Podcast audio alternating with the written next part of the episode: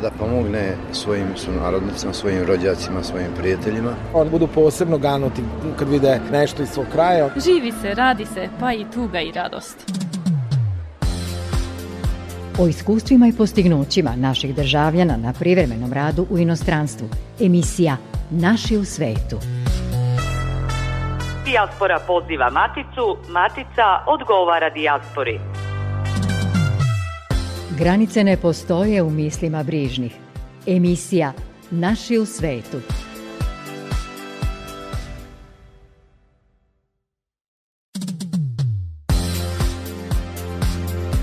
Dobroveče poštovani slušaoci, u narednih pola sata predstavljamo našu turističku menadžerku Biljanu Marčetu koja radi u Grčkoj i koja odatle popularizuje turističke destinacije u Matici. Čućete i ko je u Srbiji i u rasejanju nagrađena 10. Teslinoj naučnoj konferenciji održanoj u Njujorku. Sa vama su za tonskim pultom Nestor Apić, a pred mikrofonom Goran Pavlović. Svetosavske priredbe će u našoj dijaspori u Francuskoj biti realizovane od 21. do 31. januara u saradnji sa Srpskom pravoslavnom crkvom. Svetosavske dane obeležavaju i srpske dopunske škole, škole širom Slovenije 27. i 28. januara, kada će se istim povodom na proslavi Savindana okupiti i sunarodnici u Italiji i na Malti. Patrijar Srpski Porfirije boraviće u Njujorku na Savindan u okviru posete Americi koje će trajati od 24. januara do 5. februara. Na Svetog Savu biće služena sveta liturgija, nakon čega će u Srpskom klubu biti organizovan svetosavski program. Planiran je i susret Patrijarha sa našom zajednicom u Čikagu, a razgovaraće i sa nadležnim episkopima Srpske pravoslavne crkve na prostoru Severne, Srednje i Južne Amerike u manastiru Novoj Gračanici na Trećem jezeru. U svečanoj sali magistrata Trećeg Bečkog okruga uspešno je održan 10. jubilarni prosvjetin Srpski novogodišnji koncert u Beču. Ministar u vladi Srbije Đorđe Milićević je u svom obraćanju čestitao prosvjeti na decenijskom vrednom i značajnom radu i posebno istakao ovaj izuzetni koncert kao sjajno veče srpske muzike, običaja i tradicije, svega onog što čini kulturni identitet našeg naroda i promoviše naše bogatstvo, kulturno stvaralaštvo. U glavnom delu programa nastupali su mali hor prosvjete, studentski orkestar OSI Beč, Beogradski oktet Iskra, vrhunski instrumentalisti koji su izveli program Srpska dvorska muzika. Publika je u novim modernim aranžmanima mogla čuti neke od najlepših srpskih pesama. Specijalni gosti bili su muzička porodica Pilerovi kao i virtuoz Bako Jovanović, prva tambura sveta. Od osnivanja 2012. godine koncert je zamišljen kao most među kulturama, ali i prava slika vrhunske srpske muzičke umetnosti i značajna promocija srpske zajednice u Austriji. Vežu nas događaj, misli, kultura i tradicija – Emisija Naši u svetu. Veliki je broj naših ljudi koji godišnji odmor provodi u Grčkoj. Ta zemlja Evropske unije nije samo interesantna turistička destinacija zbog umerene klime, već i zbog pravoslavne vere koja zbližava naš i grčki narod. Ne zna se međutim tačan broj naših ljudi koji je na privremenom radu u toj zemlji. Neki odlaze kako bi se zaposlili upravo u ugostiteljstvu, u turističkim zonama, mnogi rade sezonski i na plantažama voća. Dakle, odlazi se uglavnom iz ekonomskih razloga. U Grčkoj je međutim i veliki broj mešovitih brakova između partnera iz Srbije i te zemlje. U emisiji Naši u svetu Radio Novog Sada jednu takvu ljubavnu priču ispričat će nam novosađanka Biljana Marčeta, kojoj želim dobrodošlicu u RTV i u naš program. Hvala vam lepo na pozivu da razgovaramo. Biljana, vi ste turistički menadžer, više od 10 godina ste u Grčkoj, turizmom ste se bavili i u Srbiji pre odlaska. Da li ste mogli ranije da zamislite da ćete i sami postati deo jednog turističkog aranžmana koji vas je prvo odveo, a zatim i nastanio u Grčkoj? I kako se taj sudbonosni susret desio? Rekli ste da nemate ništa protiv da o tome govorite i javno. Da, pa nije problem u suštini. Uh, desilo se, eto, pošto se bavim turizmom i prodavali smo između ostalog i aranžmane za Grčku i negde pred kraj sezone sam od kolega s kojima smo lepo sarađivali dobila na poklon putovanje za Grčku i a, rešim ja da odem da iskoristim to inače uglavnom takve stvari nisam ja koristila jer sam i, a, e, e, imam jednu svoju drugu omiljenu destinaciju za odnosno imala sam jednu drugu destinaciju omiljeno za letovanja i a, e, odlučim da tog puta ipak odem ja ne da ide neko od mojih zaposlenih pozovem i svoju kumu sa sobom i, ovaj, i otišli smo na Skijatos i tamo se desio taj sudbonosni susret sa mojim sadašnjim suprugom. Možemo reći da za vas kao menadžera u turizmu grčka destinacija nije nepoznanica, ali sa čime ste se novim suočili nakon određenog vremena koje ste proveli tamo u braku, šta je za vas bilo potpuno novo u toj sredini koja govori drugim jezikom, ali je možda krasi slična kultura i običaj nalik našim ovde u Srbiji? Nisam ja osjećala velike razlike. I u stvari ja se tamo nisam osjećala, mislim jeste veli, zaista je mm, jezik sasvim drugačiji, ali uh, osjećala sam neku bliskost sa tim narodom i eh, ne osjećam se kao da sam ja tamo baš gost. I, eh, dakle, tako je bilo od, od prvog trenutka. Tako da, više bi mogla da pričam o sličnostima nego o nekim razlikama. razlike sam te kasnije vremenom Uh, uviđala i, i onda stavljala akcenat na, na to, ali više imamo zaista sličnosti, vrlo smo sličnog temperamenta, uh, obzirom da ja nisam na moru, nego sam u kontinentalnom delu i hrana nam je prilično slična I oni su 500 godina bili po Turcima koji mi, pa eto tako imamo i ovaj, prepoznala sam neke reči koje su, eto, možda nisam ni razmišljala ranije da su turskog porekla, onda sam sad dole shvatila da jesu i tako dalje. Tako da, ovaj, da, i onda se u stvari desilo da sam E, jednog trenutka shvatila da ja živim blizu Kamekčalana i tek me to ovaj, e, nekako obuzelo i ovaj, dalo neku sasvim drugu dimenziju u mom boravku dole. Tako da, eto, zaista se osjećam tamo kao svoj na svome, a ne kao ovaj stranac. Kako ste savladali grčki jezik, dakle tamošnji jezik, on se najčešće ispostavi kao prva i najveća barijera za integraciju u inostranstvu. Vi ste se opredelili tamo da živite sa svojim suprugom. Grci su specifični i po tome što različito od nas pokreću glavu u želji da nešto potvrde kao da ili da odrično reaguju podižući glavu gore dole kao ne. Kako je to vama u početku izgledalo? Zanimljivo. O, ovaj, pa čak i dan danas ja od supruga, kad on meni tako zavrne nešto glavom, ja, ja ga ovaj, volim da bude eksplicitan i dobro, reci mi šta, hoćeš mi još jednom ponaviti, jel ti to bilo da ili ne? E, da. prosto ne, nekako i dan danas se nisam navikla da ja sad moram da to njihovo, taj njihov pokret glave uh, tumačim ovako ili onako. O, ovaj, a što se tiče uh, samog jezika, m, Ja moram da, da, da kažem, da, da spomenem, možda, ovaj, e, možda bude kao zanimljiva priča.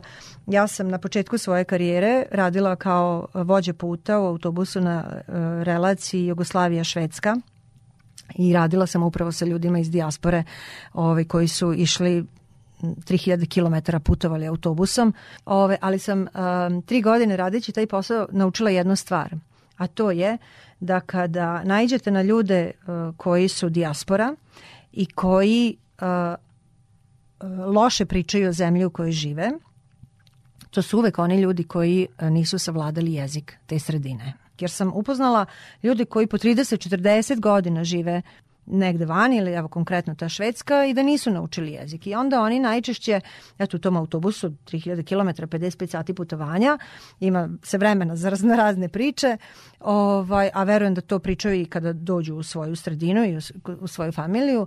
Znači oni ljudi koji a, loše pričaju o zemlji u kojoj žive, to su najčešće oni koji a, ne savladaju dobro jezik. E sad, u mom slučaju je ovaj, priča um, tako da je meni suprug jako brzo savladao grčki, a, pa smo mi, e, pardon, srpski, pa smo mi onda u kući nekako ovaj, po defaultu pričali srpski. Um, Ali to je bila otežavajuća okolnost za vas. Jeste, jer onda je meni teže išlo učenje grčkog ali vremenom, eto tako malo pijaca, malo komšiluk, malo ovaj, familija, rođaci, prijatelji, E, da se savladati naravno i neki časovi i tako dalje. Tako da e, sada ne mogu da kažem da baš savršeno pričam grčki, ovaj, ali da se snađem i da mogu da se razumem. I sad već i dete, sad, sad uz dete učim, dete, od deteta sve što ovaj, mi nije jasno, dete mi prevodi. Zanimljivo mi je to što ste pomenuli za naše predstavnike dijaspore koji žive dakle u drugim zemljama, a nisu naučili dugo godina, dakle na tom privremenom radu nisu naučili jezik sredine za koju su se samostalno opredelili. Šta vama kao čoveku koji dugo radi sa ljudima govori o njima? Mislim, ako vi, živi, ako vi živite tolike godine u toj nekoj sredini i da a, osjećate odbojnost, i, e, čak recimo oni znaju da kažu um, Znaš, Biljana, oni su tako hladni. eto, mi živimo stan do stana i oni ni dobro jutro. Rekao, dobro, ali vi njima kažete dobro, jeste ih pozvali nekad na kafu i onda su oni iznenade. Kao, pa rekao, dobro, a da ste ih možda mogli pozvati nekad na kafu, možda bi bila druga priča. tako da, da. Ovaj, a, nisu ni sami svesni, a kažem, vremenom im onda to posle ovaj, zna baš predstavljati Barijeru. i problem. Da. da. I onda su oni, možda su oni ti koji su hteli posle i da se vrate, a onda dođe deca, pa dođu unuci, pa onda treba čuvati unuke i tako dalje, tako da onda, mislim, malo se kod vrat, od njih vraćao, ali ovaj, jeste, jeste problem. Mnogo naših ljudi živi u inostranstvu da ne zna, do, da nije dobro savladalo jezik. U Srbiji ste Biljana vlasnik jedne turističke agencije za koju, kako sam razumeo, radite na daljinu, razvijajući digitalni turizam. To znači da ste, iako nastanjeni u Grčkoj, zapravo sve vreme svojim poslovnim angažmanom usmereni ka zemlji porekla.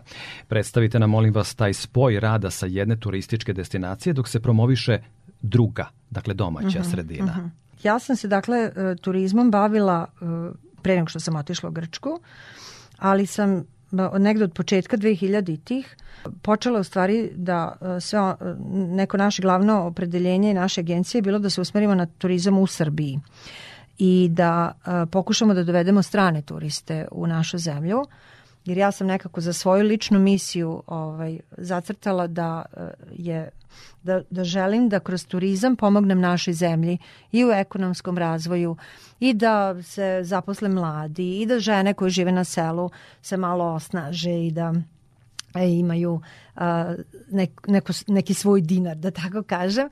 A kroz turizam je zaista sve to moguće. Usput kroz turizam postičemo očuvanje kulture, tradicije, očuvanje životne sredine, poštovanje, upoznavanje, širenje kulture i tako dalje, posle ćemo ovaj, doći i, i na te neke druge teme uh, kojima sam se kasnije bavila, ali uh, dakle uh, taj incoming turizam takozvani, kada se dovode turisti ili kada radimo turizam u našoj naše zemlje, on se zove incoming ili receptivni turizam.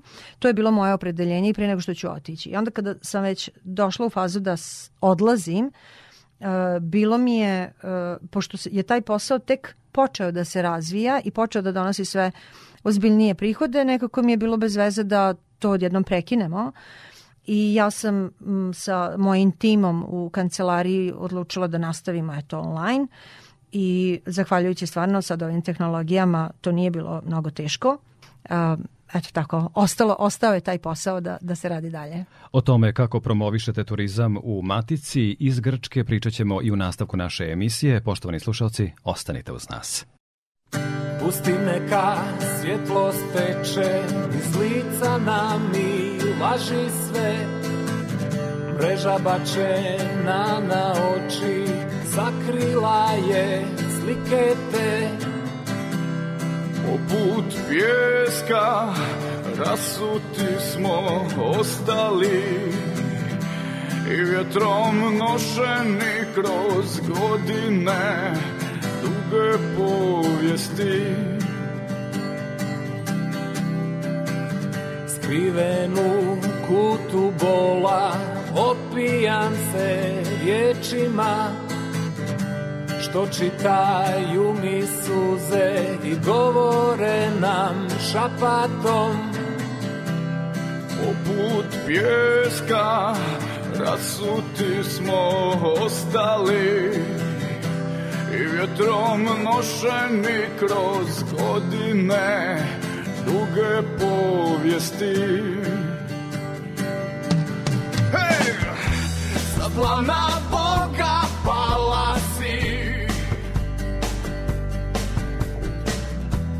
mi anđelusi krala mir Kao kiša rasula kapi sve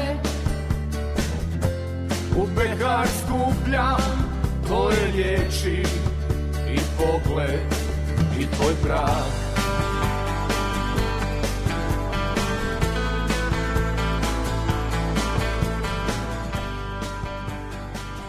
Emisija Naši u svetu.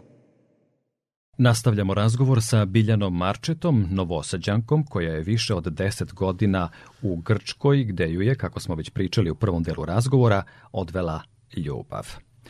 Organizacija Tačka povratka sa sedištem u Matici u saradnji sa vladom Srbije definiše programe pomoći našim povratnicima kako bi se reintegrisali, ali i definišu načine za povezivanje naših poslovnih ljudi iz dijaspore sa privrednicima u Srbiji. I vi ste, Biljana, u pripremi za ovaj razgovor pominjali Tačku povratka. U kom svojstvu? Da, pomenula sam da sam član Viber grupe i uh, A, Nisam ni na koji način uključena u uh, delovanje te organizacije, ali nekako lep je osjećaj da kada ste negde van zemlje shvatite da postoji nekakva institucija državna koja brine o ljudima u dijaspori, koja se trudi da čak vrati te ljude iz dijaspore. Uh, u zemlju, pogotovo uh, ljudi koji su visoko obrazovani, uh, koji žele da se vrate, pomažu o, po pitanju raznih pravnih stvari, deljenja saveta, uh, upućivanja gde šta kako, pomaganja da se ra razne stvari reše, sluša probleme dijaspore i onda sprem toga deluje. To je ovako baš ovaj, uh, E, meni bilo zanimljivo i lepo, mislim da je to novijeg datuma kancelarija. Tako je. I ovaj, baš lepo što postoji. Pominjali ste Biljana da ste bili i pokretač projekta Bogatstvo različitosti i da ste u realizaciji tog projekta tražili podršku ovdašnje pokrajinske vlade. Koliko znamo, tu podršku ste i dobili. Kako je došlo do te saradnje i realizacije projekta obilaska i predstavljanja 45 sela u Vojvodini? Kako Dok je... radite u Grčkoj, da podsjetimo da, naše slušalce. Da, da, da, ali moram se prvo dakle, ovaj, vratiti na to kako je počelo. A, spomenuli smo već u prethodnom razgovoru da sam se bavila incoming turizmom.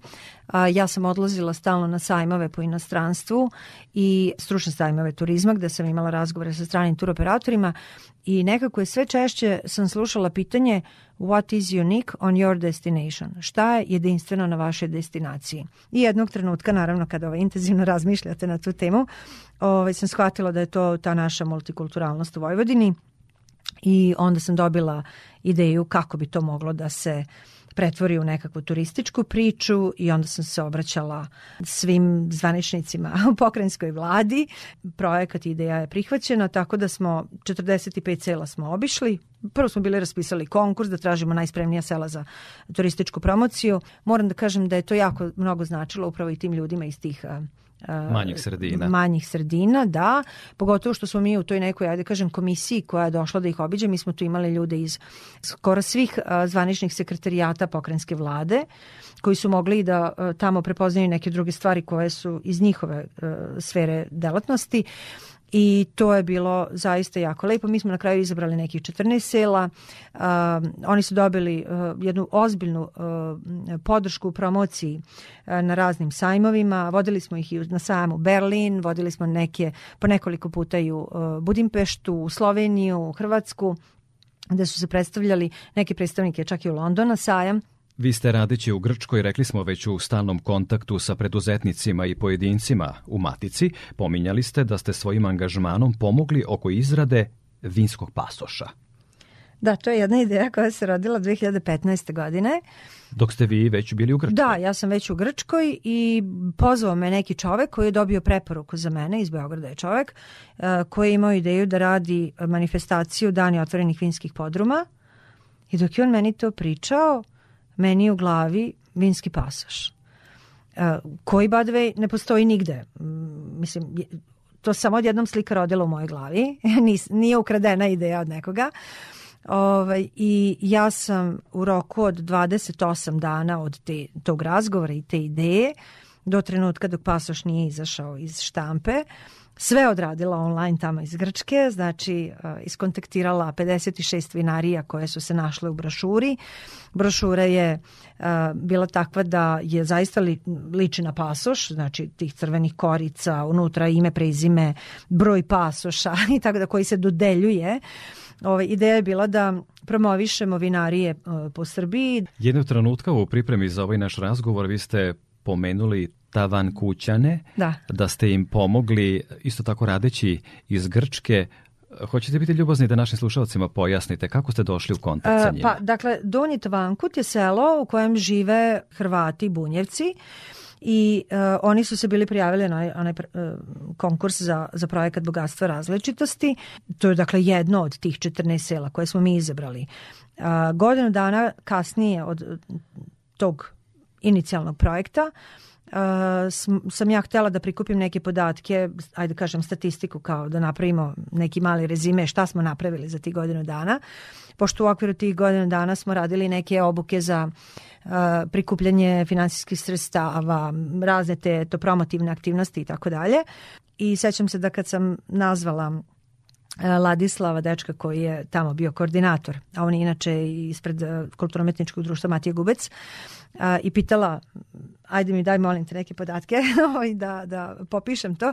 Kaže on, Biljana, mi smo za ovih, za ovih godina dana, naše žene su zaradile 10.000 evra od prodaje svojih suvenira i otišla na brojne ovaj, manifestacije i ovaj, sad se jedino kaže malo muževi ljute što subotom nisu kući jer idu da. stalno negde, ali ovaj, ajde šalu na stranu, zaista svim tim domaćinstvima znači svaki dinar, tako da ovaj, ne ljute se previže.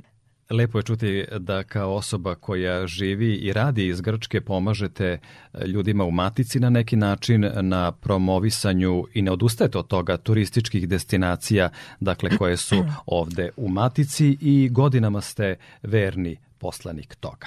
Pokretač ste jedne internet platforme koja objedinjuje turističku ponudu Srbije. Možemo li da čujemo nešto više i o tom vašem angažmanu? Da, to je, to je projekat, projekat, u stvari to je web sajt koji se zove serbianadventures.com i uh, on je isto startovao negde 2015. godine.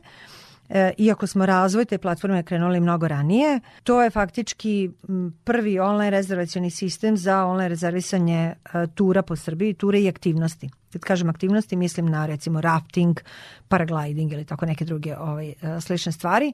Trenutno taj sajt okuplja negde oko 60 raznih organizatora ture i aktivnosti po Srbiji, dakle što agencija, što od raznih drugih e, organizatora koji rade ture po Srbiji ja se bavim digitalnim marketingom i pokušavam da promovišemo svu tu ponudu sa tog portala. Tako da eto, ja sam u Grčkoj, ali ovaj, me to ne sprečava da i dalje radim na promociji Srbije i da dajem neki svoj doprinos. Kad sam počela da se bavim incoming turizmom, to je da je naša zemlja zaista predivna i da mi zaista imamo šta da ponudimo svetu. Uh, I evo, ovo je moj neki mali doprinos, a mislim da i kada bi svi ostali turistički poslanici dali jedan tako mali doprinos, da bi to onda bilo zaista jedna sjajna velika stvar.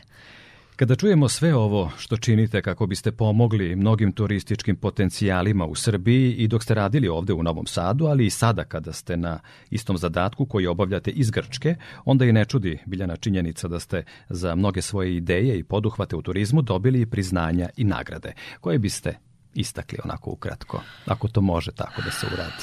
Imam ceo spisak od na, na sajtu, ovaj, ali od svih tih priznanja recimo da e, mi je najviše značilo priznanje Beli Anđeo, to je bilo priznanje koje sam dobila od e, strane ministarstva za turizam 2008. godine za portal Visit Serbia, to je bio prvi online rezervacioni sistem za hotele u Srbiji, nagrada kapetan Miša Anastasijević. Recimo, bilo je mnogo nagrada mm, sa Novosadskog sajma, ali recimo da mi sada zaista mnogo znači ovo poslednje priznanje koje je bilo pre dva meseca za novu priču koju pravim.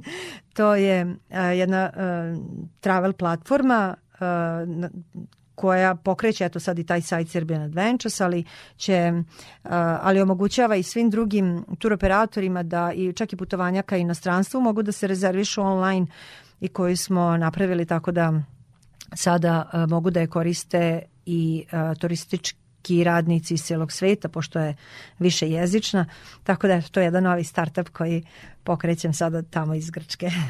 Kakva je zima u Grčkoj? Ima li inflacija tamo? inflacije i zime.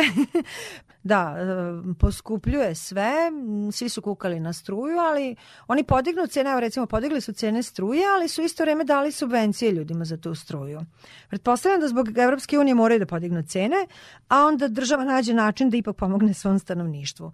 Za vreme korone, recimo, mi je bilo fascinantno. Ja da sam imala tada tamo otvorenu agenciju, ja bih dobila minimum 40.000 evra e, pomoći, da, u Grčkoj je vlasnik turističke agencije, najmanje turističke agencije, dobio najmanje 40.000 evra. U Srbiji nije dobio 1 evra. Dobili smo podršku da plate damo zaposlenima, ali eto me, ono, kad su moji zaposleni shvatili da treba da ovaj, dobiju naknadu od 18.000 dinara, ili mislim ono, kad se plati još ti porezi doprinosi, ovaj, uglavnom su se zahvalili na saradnji i ovaj, tako da smo doživjeli jedan sunovrat. Verujem da će ovo što ste zamerili E, prosto matici stiće do relevantnih subjekata i da će se po tom pitanju poraditi. No to ostaje da se vidi kroz vreme. Ja verujem da ćemo sarađivati i u buduće. Zahvaljujem što ste svoju turističku turu koja se pretvorila u jednu uspešnu životnu priču, podelili sa slušaocima emisije Naši u svetu Radio Novog Sada. Nadamo se da ćemo vas ponovo ugostiti u našoj medijskoj kući uskoro, kada budete ponovo u poseti Matici. Do tada vam želimo svako dobro u Grčkoj. Hvala vam lepo i bit ću vam rado uh, gost ponova.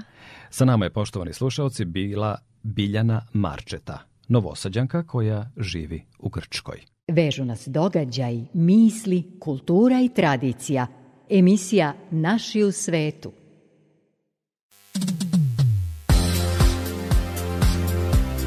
Gradonačelnik Njujorka Eric Adams izdao je proklamaciju kojom je 14. januar proglasio za dan Tesline naučne fondacije i naglasio da fondaciju posvećenu očuvanju zaostavštine briljantnog srpsko-američkog naučnika koji je emigrirao u Njujork 1884. i postao međunarodno priznat po revolucionarnim dostignućima u proizvodnji, prenosu i primeni električne energije vidi kao saveznika u misiji razvoja Njujorka. Deseta konferencija Tesla Tesli u čast održana je u organizaciji Tesline naučne fondacije sa sedištem u Filadelfiji. Sa njenim predsednikom Nikolom Lončarom razgovarala je koleginica Ružica Zorkić-Radičević, urednica emisije Večeras zajedno Radio Beograda 1, koja se na tim talasima emituje od 21 čas. Nikola Tesla je preminuo pre 80 godina, a komemoraciju povodom njegove smrti tada je prenosio radio New York i tadašnji gradonačelnik New Yorka je pročitao oproštajni govor. Što se tiče ovog dela, želeo bih samo da dopunim. E, mi ne kažemo da je Tesla umro. Mi ne pravimo e, u New Njujorke hotelu mi ne pravimo pomen. Pomen pravimo u crkvi srpskoj. Ne, nažalost, sad ne možemo, ali svi godina smo pravili pomen u crkvi. Mi e, živimo ovdje, Tesla je ovdje živio 59 godina, mi to radimo kao svi Amerikanci što rade. Slavimo nastavak Teslinog života. Svi ovi ljudi koji su pozvani, koji rade na istoj misiji koju mi radimo, znači promolišu Teslu time što su napisali knjigu, naslikali sliku, uradili film, Uh, uradili nešto što će dalje da promoliše Teslu, naučni, naučni radnici, svi oni su u stvari prvi i najveći gosti. Svakako da je veliki gost uh, gradonačelnik Njujorka, gradonačelnik Njujorka treba da nam pomogne da dobijemo proklamaciju da je taj dan praznik u Njujorku. To smo tražili, to se to očekujemo da ćemo da dobijemo. A drugo, da postavimo u Bryant Park Teslinu bistu, Teslin spomenik koji je jedan i po veličine Tesla. Tesla sedi čita knjigu kao ona slika iz Colorado Springsa. tu grad New York nam je neophodan za tu saradnju ali kroz e, celu našu priču, mi nismo politička organizacija, mi ne želimo nikakve političke manifestacije, mi promolišemo kroz celu tu priču edukaciju. I grad New York, američka vlada, gde smo mi registrovani kao 501c3, kao ne, organizacija ne za profit, podržavaju isključivo obrazovanje. Tema Nikola Tesla klubovi. Svi ti ljudi treba da kažu šta su radili, na koji način žele da promolišu to, S druge strane, teme Tesli narod, nismo smo politička organizacija, ni jednoj političkoj organizaciji ne pripadamo. U ovoj emisiji nema politike, ova emisija je okrenuta svim našim ljudima koji žive u inostranstvu, bez obzira na njihova politička, verska i ostala ubeđenja. Hvala. Drago mi je da ste i vi okrenuti lepim stvarima i tokom prethodnih godina Teslina naučna fondacija je nagrađivala e, medaljama, reljefima, bistama veliki broj institucija i pojedinaca koji se bave proučavanjem Teslinog dela i promocijom Tesle. E, možete li nam izdvojiti ko su ove godine laureati? Pa ovako, 32 biste smo postavili po celom svetu Teslina. Ja ne znam tačno koliki broj medalja i ti e, drugih ljudi koji su dobili priznanja e, od nas, ali to je jedan jako dobar način da ti ljudi koje niko maltene nije bio priznao do sada, mi smo ih stavili u prvu liniju i motivisali sa tim našim priznanjima njima. E, nažalost, mi smo izgleda jedini koji to rade za te ljude e, i izvlačimo ih iz maltene mraka. Jedan od glavnih je Stan White, čovjek koji je napravio skulpturu, koji je jako, jako lepo to uradio i veliki je borac e, za to da Tesla zauzme svoje mesto. Gian Capello, Tesla Science Center u Wardenclyffe koji rade taj Teslin muzej. Studenti Beogradskog mašinskog fakulteta za svoj rad dobijaju. Biljana Regan koja e, drži e, modele srpskih nošnja sa Kosova i stoga to je jedan jako lep prikaz E, nečega gde se vidi da u 13., 14., 15. veku su Srbi tamo se oblačili na takav i takav način. Znači, jako, jako lepo. E, Aleksandar Petini, ko nam stvarno pomaže da sve ovo doteramo do grada. Da Dragan Rakonjac, koji snima neumorno, radi sve te emisije, pomaže nam sa svih strana. Gordana Nenadović, slikarka, Gordana Vonjak, e, doktorka sa fakulteta. Baš dug spisak. Ja se nadam... Jeste, dug, ali to su ljudi koji su cele godine radili nešto na toj proslavi nastavka Teslinog života, oni dobijaju svoje priznanja. Onda se oni druže tu između sebe, oni sklapaju nova poznanstva, oni rade zajedničke projekte, Imamo i ljude koji su se venčali, upoznali se na našoj konferenciji, Mirko Radak i Milica Savić iz Njujorka, da upoznali se na našoj konferenciji iduće godine kad su došli, došli su sa Burmama. I tako da, ima. puno tu lepog ima, tu puno se jako, jako dobro dešava, e, to je u stvari konferencija traje jedan dan, ali mi smo tu svi tri dana i svako nađe sebi nekoga s kim želi da radi i da sarađuje, tako da kažem, mislim, to je fantastično. Hvala što ste govorili za Radio Beograd prvi program. Hvala vam puno, ja vama želim puno uspeha u daljem radu i promociji pravih stvari, sve najbolje. Bio je ovo Nikola Lončar, osnivač i predsjednik Tesline naučne fondacije. Poštovani slušalci, pratili ste emisiju Radio Novog Sada koja promoviše vezu Matice Srbije sa svojom dijasporom. Detaljnije informacije potražite na Facebook stranici Naši u svetu RTV. Slušajte nas i narednog petka od 19.05. Prijatno vam veče.